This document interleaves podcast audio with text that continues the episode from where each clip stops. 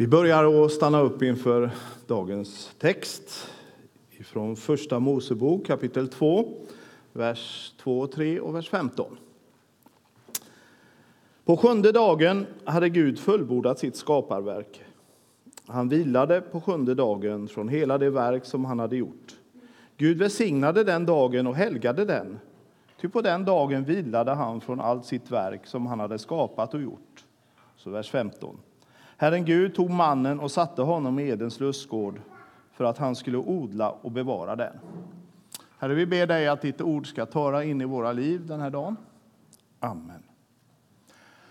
Först använde Gud fem dagar för att skapa världen. Och sen så skapar han människan på den sjätte skapelsedagen. Men vad hände sen? Jo, den sjunde dagen då vilade han från sitt skapande. Så den första dagen som mänskliga varelser var en vilodag. Sen kan vi läsa i vers 15 hur människorna likt Gud också börjar skapa. Vi blir Guds medskapare. Men kom ihåg, först vilar man och sen jobbar man. När man har småbarn, eller som småbarn, för det har vi ju alla varit faktiskt, trot eller ej, så får man ofta frågan vad ska du bli när du blir stor? Fick ni den någon gång? Den frågan? Ja. Eh, eller när man träffar någon person man inte har träffat och så pratar man en stund och efter en stund så kommer nästan alltid funderingen och vad jobbar du med? Och allt det här liksom säger oss på något sätt att vi är liksom inprogrammerade med detta att jag är det jag gör. Stor del av vår identitet handlar just om att vi är det vi gör. Vi får ett värde genom det vi presterar. Och jag skulle vilja säga så här att i den här världen så lockas vi gång på gång att bli mänskliga görelser istället för att vara mänskliga varelser. Vi värderas efter vad vi jobbar med, vilka kläder vi har, hur vackra vi är, hur vältränade vi är, vilka vi umgås med. Och det här värderandet tror jag skapar en otrolig omedveten press på oss. Hur vi ska, att vi ska bete oss på ett visst sätt. Eh, och det stressar oss. Det här görandet påverkar både vårt arbete och vår fritid. Och många av oss är så utpumpade att vi måste vila för att orka prestera mer. Men människans liv började med att vila. Den första dagen som människan levde var en dag av vila. Tillsammans med skaparen. Men i ett samhälle som vi flest lockas till att vara mänskliga görelser där är det lätt att känna sig underlägsen, känna att man inte räcker till. Har man inget kvalificerat arbete, är man långtidsarbetslös, eh, har man ingen gedigen utbildning, är man långtidssjukskriven, eh, har man inget strålande yttre, har man ingen tjock plånbok, ingen partner etc. så är det lätt att känna sig underlägsen i vårt samhälle. Och känner man sig underlägsen, då är det lätt också att tänka jag måste anstränga mig ännu mer. Jag måste ta mig i kragen och bli ännu bättre. Alternativet att man liksom bara resignerar. Jag orkar inte med någonting. Jag orkar inte med alla borden och måsten. Jag brukar säga så här. Kristen tro är den enklaste religion som finns. För den handlar om ta emot Guds kärlek genom Jesus Kristus in i mitt liv så jag kan älska mig själv och så ge den kärleken vidare till andra. Sen är det faktiskt också som så att samtidigt är det den mest djupa tron som finns för du kan, du kan forska om Gud hela ditt liv och ännu så anar du bara att du har kommit till början för Gud är outgrundlig.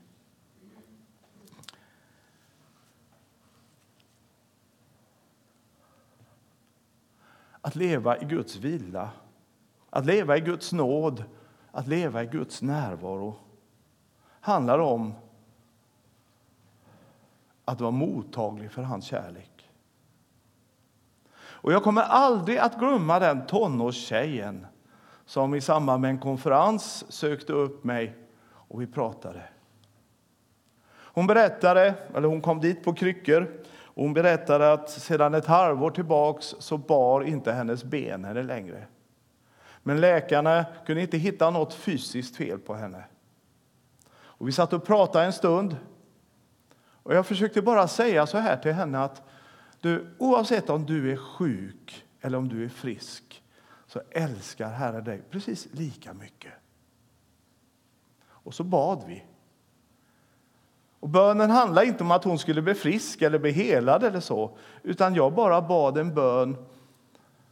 Herre, jag ber dig att den här tjejen ska få uppleva din kärlek i sitt liv.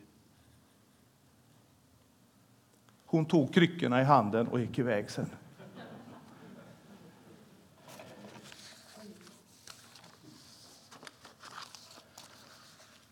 Redan från skapelsens morgon så var Guds tanke att du skulle börja ditt liv.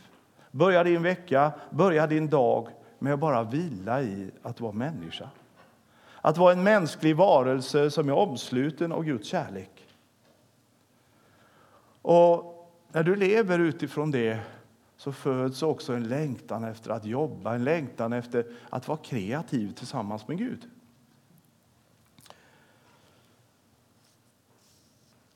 Människan är skapad till att arbeta, forma, skapa utifrån vilan hos Gud. Människan skapades in i Guds vila för att hon skulle leva där med honom i nära umgänge med honom. Men så läser du, vi kommer redan till kapitlet efter, i, i Första Mosebok 3, så står det att människan frestades av djävulen som kom i en orms skepnad. Och direkt så, så hände det något oerhört allvarligt i människans liv. För det som hände det var att människan frestades att lämna den här Guds närvaro som man levde i, som man skapades in i. Och jag vet inte om du har funderat på att människan frestades inte att ljuga, att fuska, att mörda, att hora eller något sånt. Utan människan frestades att bli så som Gud. Människan frestades att inte ha Gud som Gud utan vara sin egen Gud. Och det är, det är liksom syndens innersta väsen, att jag vill vara min egen Gud. Och så kan vi läsa i verserna som följer. Vid middagsbrisen hörde de Herren Gud vandra i lustgården och mannen och hans hustru gömde sig för Herren Guds ansikte bland träden i lustgården. Men Herren Gud kallade på mannen och sa till honom, var är du? Underförstått så kan vi ana att det var vanligt att Herren vandrade med människorna tillsammans där i lustgården. Men synden ledde till att nu gömde sig, det var en distans mellan människa och Gud. Och så du som kan din bibel vet att genom Jesu död och uppståndelse så, så kan människan som, den människan som kommer till, till, till Herren via, via Kristus eh, kan vandra i gemenskap med Gud. Vi kan leva vårt liv inför Guds ansikte, i Guds närvaro. Och när vi gör det så får vi en djupare relation, inte bara med Gud utan också med oss själva, med våra medmänniskor och med skapelsen. Jag vet inte vad du tänker på när du hör ordet att leva i Guds närvaro. För en del så kan det kännas hotande och någonting som lägger locket på. Jag vet inte vad du tänker på när du hör ordet bön. Jag kan ärligt säga att under många år så var det här med bön ganska tungt för mig. Jag tyckte inte det var någon större glädje i det. Ända tills jag begrep att Gud till slut inte är intresserad av mina böner. Han är intresserad av mitt hjärta. Han är intresserad av att dela livet med mig. För då blir bön något spännande. Då blir bön något väldigt naturligt. Och Det finns en underbar balans i Bibeln, eh, i beskrivningen av Guds relation med människan. Nämligen att vi, hela skapelsen är tänkt att vara en balans mellan arbete och vila. Alltså, det finns ju nedlagt till och med i skapelsen. Du vet, jag, jag, kan inte egentligen det här med, det är ni bättre på här i Skåne, det här med, med bond, eh, hur det är på bondgård etc. Men, men jag vet att åkrar mår bra av att ligga i träda till exempel. Eh, så det finns nedlagt i skapelsen, det här med arbete och vila. Runt om i hela världen har man en sju dagars vecka. Varför? Jo, framför allt för att Moses och Israels folk eh, fick en befallning av Gud när de vandrade i öknen att de skulle fira sabbat var sjunde dag. Och just det här sabbatsfirandet var sjunde dag det är helt unikt. Det fanns inte alls bland någon av de omgivande, bland, bland de omgivande folken. Ingen motsvarighet. Tanken var att Gud ville att en dag i veckan skulle djur och människor vila i Guds nåd. Och Guds tanke med den här vilan var att man skulle stanna av, utveckla relationen med honom men också njuta av det man har gjort. Vila, koppla av, glädja sig åt livet. Notera att i skapelseberättelsen, om du tittar där, så återkommer gång på gång uttrycket det blev afton och det blev morgon. Vi går och lägger oss och sover och Gud börjar sitt verk utan oss. Vi vaknar till en värld som vi inte har skapat, till en frälsning som vi inte har förtjänat. Och vi får delta i Guds kreativa skapande genom att samarbeta med honom. De tio Guds bud vi har är Luthers omskrivning av de buden som Moses fick på Sinai berg. Som kristna har vi inget strängt sabbatsbud som judarna hade. Eh, men inbyggt i själva tillvaron finns sabbatsvilan. Fokus på det tredje budet är inte ett förbud mot arbete utan en inbjudan till en fördjupad relation med Gud, med människor, med oss själva och med hela skapelsen. Efter den franska revolutionen 1789 så eh, ville man befria sig från alla ok som man har levt under. Och så prövar man varför, varför ska vi just ha en sju dagars vecka? Och så prövar man med en tio dagars vecka. Det gick inte så bra, utan man gick tillbaka till sju dagars vecka. Eh, även i, i forna Sovjetimperiet på 1900-talet försöker man trixa med olika varianter. Och, men man var tvungen att gå tillbaka till sju dagars veckan som Gud hade tänkt från början. Därför människan och hela skapelsen mår bra enligt den pulsen. Men vi har så lätt att komma in i duktighetssvängen och bli mänskliga görelser. Vi ska kika på de här buden som Luther eh, formulerar som är på många sätt väldigt lika eh, de, 20, de tio budorden i, som vi kan läsa om i Andra Mosebok 20. Eh, om man tittar på de här tio budorden så kan man ju faktiskt ana att det finns någon form av rangordning. Har ni tänkt på det? Alltså de två första buden, det är inte så konstigt. Eh, du ska inte ha några andra gudar vid sidan om mig. Du ska inte missbruka Herren i Guds namn. Eh, det är inte, de handlar ju om vår relation med, med Gud och det är inte så konstigt att de kommer först.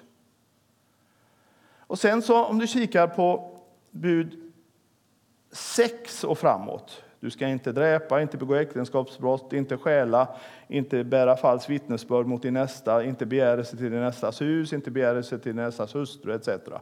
Så kan man ju ana en viss rangordning här också. Jag menar, det är ju trots allt värre att dräpa än att begå äktenskapsbrott. Det är trots allt värre att begå äktenskapsbrott än att stjäla och så vidare. Om det nu är så att det finns en rangordning här så kan man ju fundera på var, varför kommer bud 3 och 4 där de kommer. Ja, det fjärde budet är ju inte så konstigt. Det, det säger all erfarenhet av själavård. Det budet som säger hedra din far och din mor för att det går må dig väl och du må länge leva i ditt land.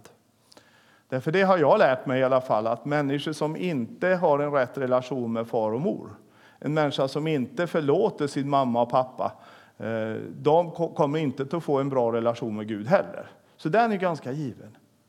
Men varför kommer bud tre där det kommer i så fall? Alltså, tänk på vilodagen så att du helgar den. Jo, medan bud 1 och 2 handlar om att inte rent fysiskt tillbe andra gudar så handlar bud 3 om att inte vara sin egen Gud. Som själv snickrar sitt liv och fixar sin egen frälsning. Jag känner ett par som flyttar in i ett villaområde. Och eh, I det här villaområdet var det vanligt att man jobbade i trädgården två dagar i veckan, både lördag och söndag. Men den här familjen jag känner, de hade några grannar som hette Karlssons och de jobbade i trädgården varje lördag, men inte på söndag, för då gick de till gudstjänst och sen tog de tid med varandra. Och den här familjen, kvinnan berättar för mig, de noterar att trots att Karlssons bara jobbade i trädgården en dag i veckan så var deras trädgård snyggare än de andras. Och det ledde faktiskt till att den här familjen kom till tro. Mäktigt. På grund av Karlssons trädgård. Om jag säger så här, det är inte alla förunnat att evangelisera på det sättet. Jag tror inte någon kommer komma till tro genom att titta på min trädgård. Trots att jag inte jobbar där på söndagar. Problemet är att jag jobbar inte så många andra dagar i veckan heller. Eller andra dagar om året ska sägas. Eh, I trädgården. Men Guds tanke är ändå att vi ska ta tid. För tar vi tid att vara med honom, umgås med honom tid att njuta åt den, det liv vi lever, den värld som Gud har skapat så kan Gud kompensera den här lediga dagen som vi tar och ge mig mer inspiration, mer energi. Och Söndagen är idealdagen för detta eftersom du då alltid kan gå på gudstjänst. Eh, och mycket annat av samhällsfunktionerna ligger nere. Men kan du inte vara ledig på söndag, så ta en annan dag. Nu är det inte så att Gud älskar dig mer för att du tar en dag ledigt. Men du kommer att må så mycket bättre. Och du kommer säkert att uppleva mer av Guds nåd, mer av hans kärlek. Inte att han eh, liksom inte vill ge det hur som helst, att det är någon betalning. Utan du och jag, vi blir tillgängliga när vi vilar, när vi stannar av. Så här beskriver Anders Petter Sjödin i sin utmärkta bok Förvandlad i Guds närhet. Eh, han beskriver vad vilan, vilodagen innebär. Sluta arbeta, producera och vara effektiv en enda dag. Sluta titta på klockan, sluta stressa. Sluta att se ditt och andras värde i vad du producerar. Sluta att utnyttja andra. Sluta att oroas för ekonomin. Sluta att köpa och sälja. Sluta att vilja äga mer synas mer och uppnå mer. Sluta att ackumulera fler saker, sluta att leva på ytan. Sluta att jaga vad predikaren kallar fåfänglighet och ett jagande efter vind. Sluta att vara Gud. Att inte ta ledigt en dag i veckan, det är storhetsvansinne. Det är som att säga att jag är världens centrum och allt är avhängt av mig. Luther som på sin tid på många sätt stod i världshändelsernas centrum lär ha sagt, åtminstone vid ett tillfälle, att han gick till, till fönstret och så sa han så här.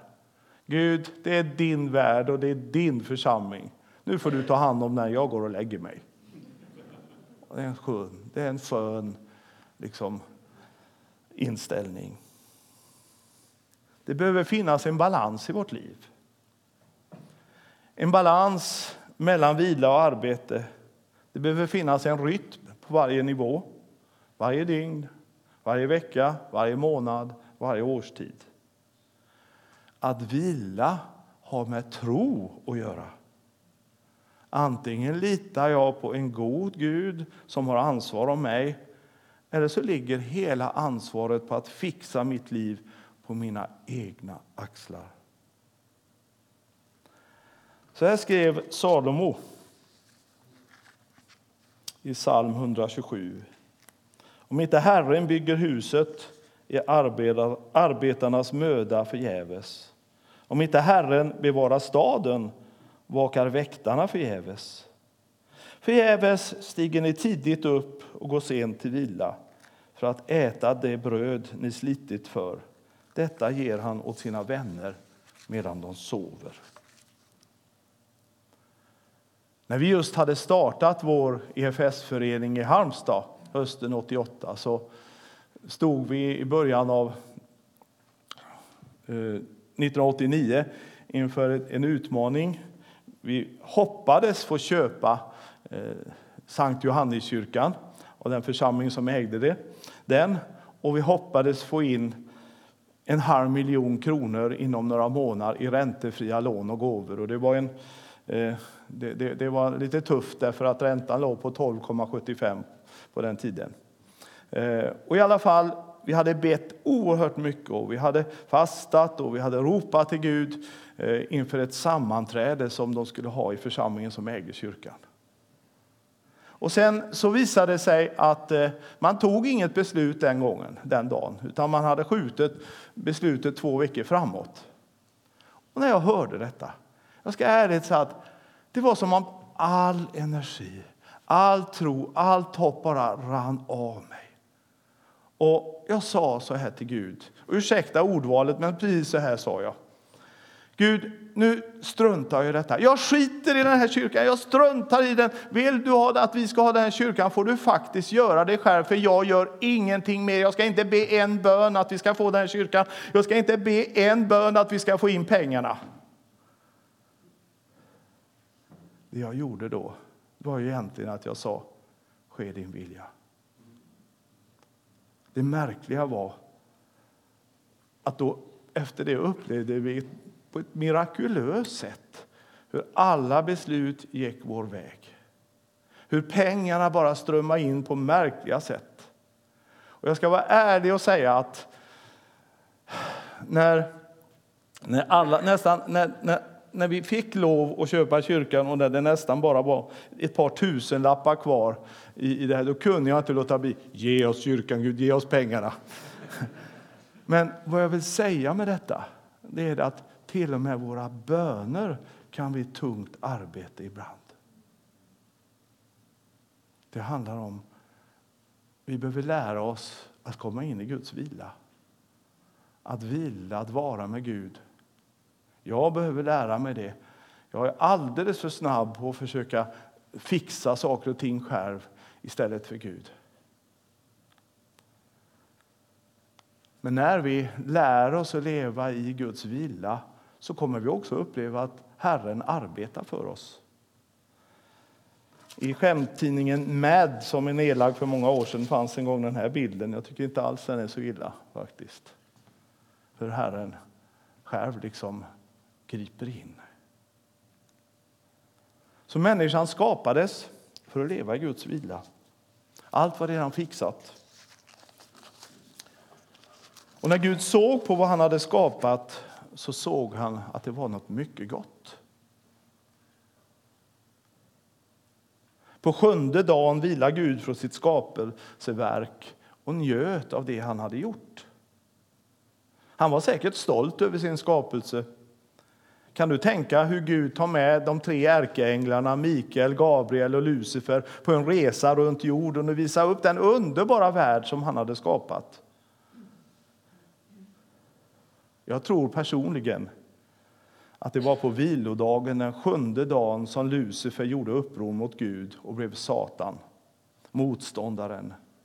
Därför vila är ett uttryck för ett liv i nåd och förtröstan på Herren. Och det har inte Lucifer i sitt liv. Han vilar inte, det finns ingen frid där. När du går och lägger dig på kvällen, när du är ledig på söndag eller på semestern, är du stolt över det du har gjort? Det du har fått vara med och göra tillsammans med Herren?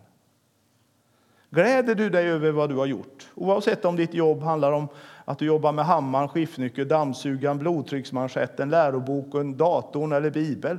Är du stolt? Är du nöjd? Jag tror Herren vill att du ska glädja dig över det du har gjort. Glädja dig över det som du får vara med tillsammans med honom och medskapa. Ibland är det svårt att få vårt liv att gå ihop. Vi kan känna kraven och många, många gånger kan vi vara helt utkörda i slutet av veckan. Fråga dig då, vilar jag efter arbetet eller arbetar jag efter vilan? Börja prioritera vilan. Fråga dig om du har tid att bara vara i Guds gemenskap. Fråga dig vad det är som driver dig. Fundera på om det inte vore bättre att gå ner i tjänst för att få mer tid för annat. Var noga med att ha en balans mellan vila och arbete på ditt dagsschema, veckoschema, månadsschema, terminsschema. Och du som känner att jag lever inte som jag borde. Jag borde varit annorlunda på många olika punkter. Eller du är trött, utmattad, sjuk, du känner att du har resignerat. Du orkar helt enkelt inte bry dig. Du orkar inte ta itu med alla dina dåliga vanor. Mitt råd till dig är inte att du ska ta dig själv i kragen och försöka skärpa till dig. För det vet du, det har du hört många gånger. Sluta och tyck synd om dig själv. Sluta jämföra dig med andra. Sluta se ner på dig själv. Men börja ta tid inför Guds ansikte. Tacka Gud för hans nåd.